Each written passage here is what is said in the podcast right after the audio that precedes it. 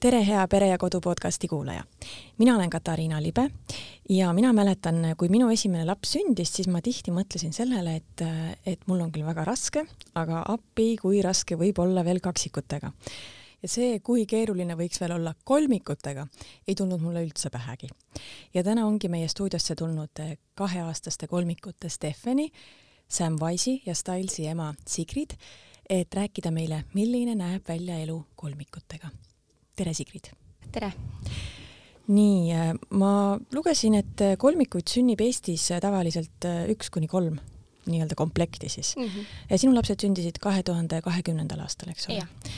kas sa tead, kas sellel aastal sündis veel kolmikuid? kaks tuhat kakskümmend. üks paar vist oli küll. minu arust olid, nad on äkki pool aastat või natukene rohkem nooremad kui minu omad mm. -hmm. hästi, kui palju sa suhtled teiste kolmikute emadega? Ähm,? ma natukene olen nagu küsinud, kuidas neil läheb või kuidas nad nagu midagi on teinud, kui neil on vanemad kolmikud kui minu omad. ja, aga praegu mul on rohkem kirjutatud just nagu need, kes ootavad kolmikuid mm. -hmm nii, aga räägi siis palun oma lugu algusest peale, sa oled seda küll juba mitmel pool jaganud ja sul on ka Instagrami konto, kus on väga palju jälgijaid, kus sa samuti jagad oma elu, aga kuidas siis ikkagi see sinu lugu siis alguse sai, mis tunded sind valdasid, kui sa said teada, et sa ootad kolmikuid ja, ja, ja kuidas see üldse välja nägi? jaa, no kõigepealt äh, jäin rasedaks, siis äh, see kahjuks katkes ära. Ja siis äh, arst ütles ka, et äh, las keha taastub pool aastat vähemalt. Ja ja noh, nii ma siis lasingi kehal nagu puhata ja olla ja ise ka nagu mentaalselt taastusin kõigest sellest, sest see oli väga raske, sest laps oli väga oodatud. ja siis äh, lõpuks, kui uuesti nii-öelda katsetama hakkasime, siis äh, kohe esimese kuuga sain oma kaks triipu kätte. ja siis äh, noh, arsti juurde ma ei julgenud kohe minna, ma tahtsin oodata see nii-öelda kaksteist nädalat ära et vaadata, et äh, äkki, äkki nüüd läheb ikkagi õnneks ja et laps on juba nii suur, et siis tulevad ainult head uudised sealt. sest äh, hommikuiiveldus ja kõik see oli mul metsik, nagu see oli kohutav. ja siis äh, jah, hommikuiiveldus, see oli täiesti kohutav, siis ma mõtlesin, et kuna ma olen alati kaksikuid tahtnud, et siis no äkki, äkki on kaks Äh, ja kui ma lõpuks siis läksin arsti juurde, siis ma pidin esiteks tund aega seal ultraheliruumi taga ootama. Ja mu vererõhk oli, ma arvan, laes, ma täiega pabistasin, mõtlesin juba, et ah, ma lähen koju ära. ja siis arst kutsus sisse, ma keerasin kohe näo, et ma ei julgenud vaadata, mis seal ekraanil on, sest ma olen korra juba kuulnud, et südamelööke pole. Ja ma ei tahtnud seda uuesti kuulda. aga, aga siis ma nägin arsti nägu ja ta megalt naeratas, siis ma mõtlesin, et okei okay,, võib-olla on nagu turvaline, et võin vaadata. ja siis ta ütleski, et äh, jaa, et võid vaadata, et äh, siin on kaks täiesti tervet beebit. ja siis mul kohe pisarad voolasid, ma olin mega õnnelik. ja, ja siis ta ütles, et, et noh, hakkas vaatama, et kas nad on siis nagu ühe munaraku või kahe munaraku omad. ja siis ta ütles, et oota, ma näen midagi veel ja siis ma ütlesin, et ei, ei, kaks piisab, kaks piisab, mis asja siis ta mingi, et ei, et siin on kolmas ka ja ta on ka täiesti terve ja ma lihtsalt nutsin, ma ei mäleta sellest päevast väga mitte midagi enam. ma nutsin, ma mäletan, et ma pidin minema ämmaemanda juurde tagasi peale ultrali, ma ei läinud, ma läksin otse koju ja järgmisel visiidil siis ta ütles, et näed, unustasid oma paberid ka, et nii närvis olid vist. ja olingi tõesti, et nagu ma, ma ei suuda siiamaani seda nagu sõnadesse panna, aga noh, sellel sekundil ma teadsin, et need lapsed on väga oodatud ja ma teadsin, et nagu kuigi riske on, siis ma, mul oli see uskumus, et kõik läheb hästi ja, ja varsti siis ongi mul need kolm beebit. Äh, kas sa muretsesid ka, et kuidas sa hakkama saad ja? Ähm, no selles suhtes, et ma alguses pigem muretsesin raseduse pärast, aga õnneks ma nagu käisin arsti juures pea iga nädal ja nagu kogu aeg oli siis ka ultraheli, et jälgiti neid beebisid väga hoolikalt mis nagu lisas minule seda kindlust. ja kuna sellel hetkel ma siis veel ei olnud üksi, siis ma ka ei muretsenud selle pärast, kuidas ma hakkama saan mm. -hmm. sa olid siis kaaslasega koos ja praegu te enam ei ole koos, ma saan aru, jah? jah. Kaaslane üldse ei osale või laste isa üldse ei osale laste elus? ei osale mitte kuidagi. kes sulle toeks on siis? noh, kõige rohkem ma ütleks, et on mu õde. Et äh, tema oli ka esimene, kellele ma kohe helistasin, kes juba teadis rasedustestist, et äh, temale ma ütlesin, et äh, jaa, et tuli positiivne test, siis temale ma helistasin, et on mitte üks ega kaks, vaid on kolm. Ja ta oli sama õnnelik ja sama nagu rõõmus kui mina, sest ta ütles ka mitu korda, et appi ma nagu ise saaks need kolmikud, et nii äge. ja kõik see ootusaeg oli koos temaga ja kõik selline, et et juba sellest ajast saati on tema nagu see number üks olnud, aga samamoodi ka, et teised pereliikmed ja paar lähedast sõbrannat siis ka eh, sa rääkisid, et raseduse alguses oli iiveldus, aga kuidas see lõpp välja nägi, et paljudele naistele on juba üks laps kõhus päris raske, et, et kolm beebit kõhus? Äh, jaa, ma mõtlesin, et mu nahk lihtsalt puruneb, nagu päriselt mul oli nii valus, ma nutsin ma ei, ma ei saanud pesus käia, sest äh, mul lihtsalt äh, see nahk oli nii hell, et isegi veepiisad tundusid nii rasked ja nii valusad selle nagu naha vastas ja jah, lõpuks, äh, lõpuks ma ütleks, paar nädalat oligi siuke, et ma igat venimist reaalselt nagu tundsin. Ja kõik, mis ma sinna peale üritasin määrida, siis tegelikult see ei leevendanud, sest noh, tahes-tahtmata see nahk venib ja sa ei saa seda kreemidega nii-öelda vähemaks teha mm. -hmm. et see oli väga hull ja noh, raske ka muidugi et ega ma siin kõige pikem ei ole äh, Mit,. mitmekilosena nad sündisid, et mitu kilo neid siis lõpuks kõhus kokku oli mm,? Nad sündisid äh, kaks kuud enneaegsetena ja siis nad olid äh,, ma mõtlen äh, esi, kõige suurem oli vist üks koma seitse kilo mm -hmm. ja siis kõige väiksem oli üks koma kaks kilo. Äh, see oli siis planeeritud keisrilõige, jah? Äh, jah, lõpuks otsustati, et ma olin paar päeva küll varem haiglas juba ja vaadati, et äh, üritati nii-öelda natukene seda edasi lükata, et äkki nädal või mis äh, noh, kogu aeg käis see nagu kalkuleerimine siis nädalate kaupa. aga siis, kuna minu näidud olid juba nii kõrged ja et enam need äh, rohud ei aidanud väga, ei hoidnud seda sünnitegevust nii-öelda tagasi, siis nad otsustasid, et nad teevad siis ikkagi selle keisri ära, mitte ei oota siis nii-öelda erakorralist et kuna on kolmikud, et siis on nagu neid arste ja kõike seal ruumis on nagu, on vaja ja siis nad ütlesidki, et kui on erakorraline, et siis ei pruugi neid lihtsalt seal olla selleks ajaks, et pigem teeme varem ära mm. -hmm. kui kaua te siis haiglas olite koos mm,? Kuu aega peale seda, kui nad siis sündisid. Nad olid ikka päris pisikesed siis jah? Uh, jah, nad olid uh,, nad olid jah, niisugused väga väiksed, aga, aga selles suhtes tervise poolest ma ütleks, et neil oli väga hästi, et uh, kolmandal päeval vist juba nad täiesti ise hingasid ja kõik oli väga hästi, et enamus oligi see, et nad peaksid ilusti siis sööma hakkama ja juurde võtma, et see oli niisugune põhiprobleem nii-öelda, miks nad olid nii kaua haiglas mm. -hmm. kas sa muretsesid ka, et kas nad ikkagi hakkavad kosuma ja toibuma ja? Äh, eks tead, ema süda on ikka selline, et mõtleb, et näeb neid juhtmeid oma lapse küljes ja et nii abitud ja väiksed, et tahaks midagi kuidagi rohkem teha, et aga aga õnneks ma räägin, et haiglas oli ka jällegi nii hea nagu kõik see arstid ja nad seletasid mulle kõik täpselt ära, et kuidas mina saan aidata ja et mida laps peab ise nii-öelda lihtsalt nagu nii-öelda äh, kaasasündivalt tegema ja õppima tegema ja nii edasi, et siis selles suhtes, eks see hirm oli ikka, aga samas nagu jah, lootsin ikka paremat mm. -hmm. kas sa tegid neil kohe vahet?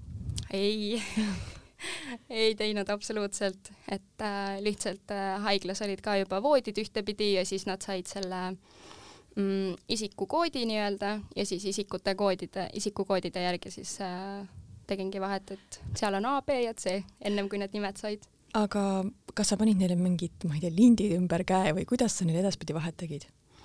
ma hoidsin nad alati selles järjekorras, kuidas nad sündisid. esimesed kolm kuud olid täiesti niimoodi, et kogu aeg, kui keegi isegi külla tuli, siis nad ei tohtinud panna teda mitte kuskile mujale tagasi, kui oligi, et Styles on esimene ja Stefan on viimane ja nii on, et mitte keegi ei tohtinud seda sassi ajada, see oli esimene ja viimane asi, mis ma kogu aeg kontrollisin üle ja ütlesin, et vaadake, et kindlasti panete tagasi aga siis, kui nad hakkasid juba ringi paterdama või ringi roomama? siis ma juba tegin vahet, ma ütleks, et esimene kolm kuud oligi selline, et appi nagu, kas mul on ikka nagu õige laps käes, et aga siis ma nägin juba siukseid väikseid erinevusi, mille järgi ma siis hakkasingi erinevuste ja nagu noh, vahet tegema mm. -hmm. kust need nimed tulevad? no lihtne vastus oleks lihtsalt netist otsides et äh, ma teadsin, et ma tahan kõiki S-tähega ja kuna poisid on, siis tegelikult neid nimesid on nii raske leida, mis oleksid sellised unikaalsed, sest ma ei tahtnud, et noh, iga, igaühel oleks need nimed, sest poisid on ise erilised ja ma tahan, et need nimed oleks ka erilised, mis neid veel nagu eristaks. ja siis jah, otsisingi ja kuni isegi haiglas veel vaatasin neid nimesid ja ja siis lõpuks mõtlesingi, et aa, et et noh, neil oli küll val-, varuvariante, et kuna nimed on nii keerulised, ma ei olnud kindel, kas Eestis üldse saab neid kõiki, et eriti Styles ja Samwise, aga, aga sai ja väga-väga tore, et sai. Äh, kas sa said neid imetada ka või on kolmi, kolmikute imetamine täiesti utoopiline? Ähm, ma tegelikult kaks kuud äh, nad toitsi, toitusid ainult rinnapiimast ja imetasingi kaks kuud ja samal ajal ka pumpasin, et väga-väga raske oli, aga see oli tehtav ja ma tahtsin vähemalt anda selle võimaluse endale ka, et äh, et mitte kohe loobuda, et arstid ütlesid küll, et nagu, et võib ka kohe samal päeval pudelist anda, aga aga noh, ma ikkagi tahtsin ise ka, et äh, ise proovida ja katsetada ja anda endast ikkagi kõik. kas sa said siis üldse mõnda tundi magada ööpäevas um,? Ma arvan, et no mingi vahe oli, kus oli esimesed, ma ütleks kaks kuud võib-olla, magasingi nelikümmend viis minutit korraga ja siis olin oh. poolteist kuni kolm tundi üleval ja siis jälle niisugune pool tundi und ja jälle uuesti pumpamine ja imetamine ja kõik see. kuidas sa toime tulid sellega mm.? see oli väga-väga raske tegelikult, ma olin, ma olin väga sügavas depressioonis tegelikult ja ma tahtsin nagu kõigele käega lüüa, iga päev ma võitlesin selle äh, Äh, selle vastu, et mitte lihtsalt minema kõndida ja anda need lapsed kellelegi teisele. see oli mul väga suur väga,, väga-väga suur võitlus iseendaga. aga, aga noh, kui sa näed ikkagi enda last hommikul ja natukene kiljub sulle niimoodi nunnult vastu need beebikesed, et siis, siis see kõik nagu kuidagi ununeb ära või on teisejärguline see nii-öelda enda emotsioon. kuidas sa välja tulid sellest depressioonist? Ma tegelikult ühel hetkel lihtsalt otsustasin, et äh, ma ei saa lasta enda mõtetel mõjutada oma igapäevast elu, sest äh, see mõte, see, mis minu mõtete maailmas toimus, see lihtsalt äh, hävitas minu, minu nagu igapäevaelu ja minu rõõmu ja seda, seda aega, mida ma saan oma pere ja lastega olla, et siis siis ma ühel hetkel lihtsalt otsustasingi, et nii ei saa jätkuda ma ei ütle, et kohe päevapealt midagi muutus, aga juba need väiksed sammud minu nagu mõtete maailmas olid muutunud, et siis äh, sealt edasi lihtsalt ma hakkasingi negatiivse asemel nägema positiivseid külgi, isegi kui see oli niisugused pisikesed asjad, et siis äh, ma pigem tundsin neist nagu rohkem rõõmu, kui võib-olla isegi peaks. aga need aitasidki edasi mm. -hmm. kas sa otsisid ka välist abi? ma väga tihti mõtlesin selle peale aga, aga ma ei julgenud minna, sest ma mõtlesin, et aa, et võib-olla minu probleem ei ole nii suur ja keegi teine vajab seda abi rohkem ja mina nii-öelda võtan selle koha ära, mis kellelgi teisel oleks vaja ja ja see hoidis mind tegelikult ka nii-öelda koduseinte vahel hästi palju, et äh, ma väga harva nagu liikusin esimesed kuud üldse nagu toast välja, olingi ainult äh, oma lastega. Ja jah, et äh, ma mõtlesin väga-väga-väga tihti selle peale et äh, ma näen, et on vaja ja tahaks, aga, aga jah, siis loobusin. kas sa tunned, et praegu on, tänaseks on täiesti seljatatud siis see? ma ütleks, et niisugune üheksakümmend viis protsenti on küll, et äh, jah, minu mõttemaailm on täiesti muutunud, ma ei vaata neid olukordi, mis olid niimoodi, nagu ma praegu vaataks, et äh, et kõik on tegelikult ikkagi muutunud ja ma ei ole seesama inimene, kes ma olin kaks aastat tagasi olles selles depressioonis, et äh, nüüd ma õnneks saan jah öelda, et sellest ma olen välja tulnud ja mul on hea meel, et inimesed on tulnud nüüd juba minu juurde abi küsima ja mina saan olla selles olukorras, et minu rasked kogemused aitavad kedagi teist. mis oli nagu olmeliselt selle esimese elu, laste esimese eluaasta juures kõige keerulisem, et kuidas sa näiteks kolme beebit riidesse said või kuidas sa neid kärusse said või kuidas sa neid toidetud said um,? Äh,? jah, see oli, see oli omaette tegevus täiesti, et äh, kui keegi mind nii-öelda jalutamagi kutsus, et ma ütlesin, et minimaalselt kaks tundi, et äh, ma ei, ma ei saa enne välja, kui ma olen lapsed riidesse pannud ja kuna nad ju sündisid talvel ja siis esimesed kuud olid nii palju neid riietusi, mis peab panema neile selga ja oh, see, see võttis aega jah, et et ja siis ise oled higine onju ja siis lõpuks saad enda riidesse ja et kõik see, ma arvan, see väljasaamine oligi kõige raskem, et kui ma lõpuks juba olin äh, väljas, lapsed olid vankris, siis oli see, et okei okay,, nüüd ma saan nagu maha rahuneda ja saan ilusti nagu neid vankris nagu kiigutada ja kõndida nendega, et siis jah, et kõik sellised ettevõtmised, eriti veel kuskile sõitmised, need olid noh, välistatud tegelikult. aga, aga jah, et äh, nad ju toitusid ja magasid ja kõik seda, nad siiamaani tegelikult teevad kõike samal ajal, mis oli väga hea, et äh, oligi ühe korra annan süüa ja siis on nii-öelda korraks juba tehtud, et ma ei pea hakkama uuesti neid asju kogu aeg nii-öelda tegema.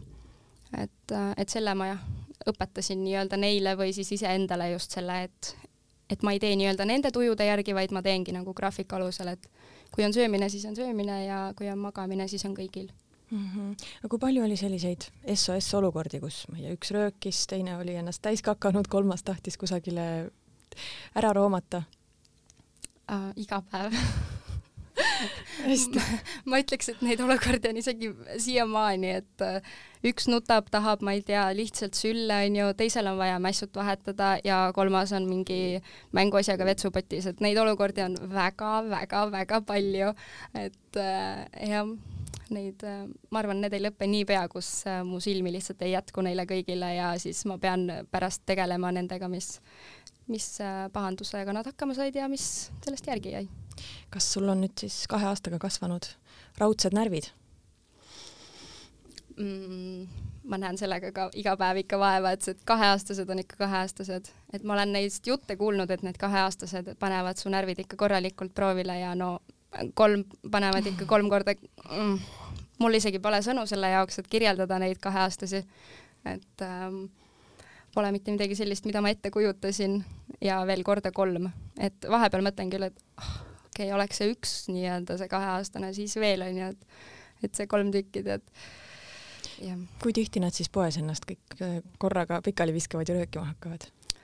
tead, õnneks nad poes käituvad enamasti üsna hästi, et ma väga-väga harva üldse lähen nendega kõigi kolmega poodi, aga kui ma lähen, siis äh, nad on lihtsalt nii nagu õnnelikud ja nad tahavad kõike avastada, aga õnneks ma nagu olen nad saanud sinnamaani, et nad ei katsu asju, nad ei võta riiulite pealt asju, mis on väga hea. et äh, tavaliselt, kui nad juba mingi mingi snäki endale kätte saavad, siis nad on mul rahulikud ja kõnnivad ilusti kaasas ja nad tegelikult kuulavad väga hästi sõna kas sa nüüd magada saad? nüüd ma saan juba täitsa hästi ja, et äh, ma mäletan veel pool aastat tagasi, kus ma ka veel nutsin ja mõtlesin, et appi, millal tuleb see minu aeg, et ma saan päriselt terve öö ilusti magada ja ma ei pea neid kussutama siin mingi poolteist tundi kuni ma ei tea, mitu tundi siin. et äh, ja nüüd see aeg on lõpuks käes, et nad magavad mul ilusti terve öö, et äh, jah. kas nad tahavad kaisu ka vahel tulla ja nad vist kolmekesi ei mahu ju? Äh, jah, vahepeal on küll perioodid, kus on niimoodi, et nad ei jää lihtsalt enda voodis magama ja siis nad tulevadki, et äh, emme opa ja emme kaisu ja ja siis, äh, siis ma lasen neil lihtsalt olla selle ühe öö nii-öelda enda juures mm. -hmm. kas sa tunned ennast vahel süüdi ka, et sa ei jõua neile kõigile nii palju tähelepanu osutada, kui võib-olla nad tahaksid, kui, kui teised lapsed peredes, kus on siis üks laps korraga, saavad äh,? jah, on küll olnud selliseid olukordi, et äh, ma näen, et äh, üks poistest näiteks äh, saab haiget ja ma peangi teda kussutama või tema, tegema talle pai ja kalli ja kõike, siis äh, tulevad need kaks tükki ja nad teevad endale nimelt haiget. et äh, nad on igatipidi enda äh, nii-öelda pead kas või vastu seina ära löönud lihtsalt selleks, et hakata nii-öelda siis teeskledes nutma ja tulla minu juurde, et ta saaks kalli ja mul on nii kahju sellest, et nagu ma ei taha, et nad seda teeksid ja ma olen neile nagu üritanud selgeks teha, et nad võivad lihtsalt tulla kalli tegema. aga, aga nüüd viimasel ajal ongi see, et kui, kui üks saab nii-öelda haiget, siis teised juba tulevad minu juurde. et õnneks see nagu endale haiget tegemine on vähemaks jäänud ja nad lihtsalt tahavad ka kõik samal ajal siis sülle ja siis ma kükitangi maha ja lähen ja teen neile kõigile siis kalli Nad on juba kahe ja poole aastased, kui palju nad koos mängivad või juba natukene omavahel suhtlevad? Uh, tegelikult nad mängivad ikka väga palju koos, mul on nii tore seda vaadata, eriti kui nad ajavad üksteist taga või lähevad peitu ja kutsuvad teisi vendasid, et ma arvan, et see, see, et nad üksteist kutsuvad, see on eriti nunnu nagu, kui ma kuulen teisest toast, et Stefen, tule, Staltsu otsi. et, et sellised hetked on siukesed, ma mõtlen, et oh, ma olen nii õnnelik, et neil, neil nagu vennad on ja ja, ja neid, neid olukordi õnneks on, aga täpselt sama palju on ka kaklemist mm. -hmm. seda võib arvata mm. -hmm. Kas nad on üldse mingil hetkel lahus või nad on kogu aeg kolmekesi koos? Äh, nad ikkagi enamasti on äh, koos. et äh, mul ongi tegelikult see, et kui ma lähen kuskile, siis kas ma võtan kõik kaasa või ma ei võta mitte kedagi kaasa. et äh, nüüd äh, mul on kaks aastat järjest olnud jaanipäev selline päev, kus ma siis annan nad nii-öelda eraldi, et üks läheb ühega ja kaks tükki siis lähevad teisega, aga see on ka ainus päev olnud, kus nad on niimoodi eraldi. Ja peale seda on nagu kogu aeg koos. kas nad siis igatsevad teineteise järele ka? ma arvan, et see on niisugune äh, teraapia neile ka korraks, et äh, see, kes üksi on, tema on väga rahul ja need, kes koos on, saavad ka paremini läbi, et ma kuulen ainult kiidusõnu, kui, kui ma neile järgi lähen. Nad on äh, praegu sul ikkagi veel kodused, eks ole? jaa, hetkel veel on. ja sügisel lähevad lasteaeda, saan aru? jah. kas sa juba ootad seda, et siis on natukene rohkem oma aega nii halb, kui see ka ei kõla, siis ma väga ootan seda, et äh, ka nende pärast, aga väga palju ka enda pärast mm. -hmm. sinu Instagrami piltidelt äh, võib näha, et nad on alati ühtemoodi riides, kas nad on muul ajal siis ka, siis kui sa ei pildista samades riietes? enamasti ikka on küll jah, et äh, võib-olla vahepeal, kui äh, mingi õnnetus juhtub nii-öelda mässusse, et võib-olla siis ei ole, aga, aga enamasti küll on jah, et isegi kui nii-öelda maale, maale lähevad kasvõi, et siis panen äh, ilusti samamoodi riidesse. aga kuidas neil siis on võimalik vahet teha mm,? ma arvan, et sa pead neid äh, nii-öelda nägema ja kui sa ikkagi otsa vaatad, siis sa näed neid erinevusi, et üks on teistest märgatavalt väiksem ja no hetkel kahe suurema vahel siis on soeng selline erinev, et ühel me katsetame nii-öelda, et kas me jätame pikad juuksed või lühikesed, et siis see on hetke selline, millest saab erinevust teha, aga enamasti suurus on selline, selline vahe neil, et äh, üks on natukene pontsakam või ümaram pigem ja, jah nii et lasteaiaõpetajatel saab alguses olema natukene raske sellega? Äh, jah, ma olen juba kuulnud jah, et ma nimed kaela paneksin neile mm,. see on, see on alati hea variant yeah.. Äh, aga millised on sinu soovitused mitmikute vanematele um,? Ma arvan, et kõige suurem soovitus on äh, nautida seda hetke, mis sul on, isegi kui see on raske hetk, see hetk läheb lihtsalt nii kiiresti mööda, see võib tunduda nagu igavik sellel samal nagu hetkel või minutil isegi, aga see läheb tõsiselt ruttu mööda ja sa varsti igatsed neid äh, titanuttu, et äh, nad kasvavad sellest tõsiselt kiiresti välja. Ja täpselt samamoodi ka, et äh, et sa ei muretseks nii palju nagu selle ümbritseva pärast, et äh, kui on kodu sassis või äh, riided pesemata või nõud pesemata või see ei oma sellel hetkel mitte mingit tähtsust, kui sul on lapsed, et eriti veel mitu väikest beebit, et nende, nende vajadused on need esmavaja, vajalikud tegelikult ja ja jah, less stress. Ja ma saan aru, üks nõuanne sul juba tuli enne, et see nende, nende graafikute timmimine üheaegseks ja seda ma ise kuulsin ka teistelt kolmikute vanematelt, kellel on siis suuremad lapsed, et nemad ütlesid ka, et see graafiku loomine on hästi oluline. mul on, alguses oli see, et kui nad olid paarikuused, et siis ma lasin sellel nii-öelda voolata, et kuidas kellelgi, aga ma kohe nägin, et mul on endal nii raske, ma olen ise kohe nii väsinud, et ma lõpetan ühega nii-öelda toitmise ja pean kohe järgmise võtma et kergem on teha seda nagu kõike samal ajal, võtta endalegi nagu, mina võtsin hästi palju abimehe mingi padjad, tekid, värgid, särgid ja lamamistoolid ja kõik sellised lisa nii-öelda vahendid, mida saab kasutada, kasutada ja, ja teha seda ikkagi kõik samal ajal. kas sa nüüd juba jõuad natukene olla ka sina ise? et on sul juba nagu mingisuguseid pikemaid hetki, kus sa saad olla üksi ilma lasteta?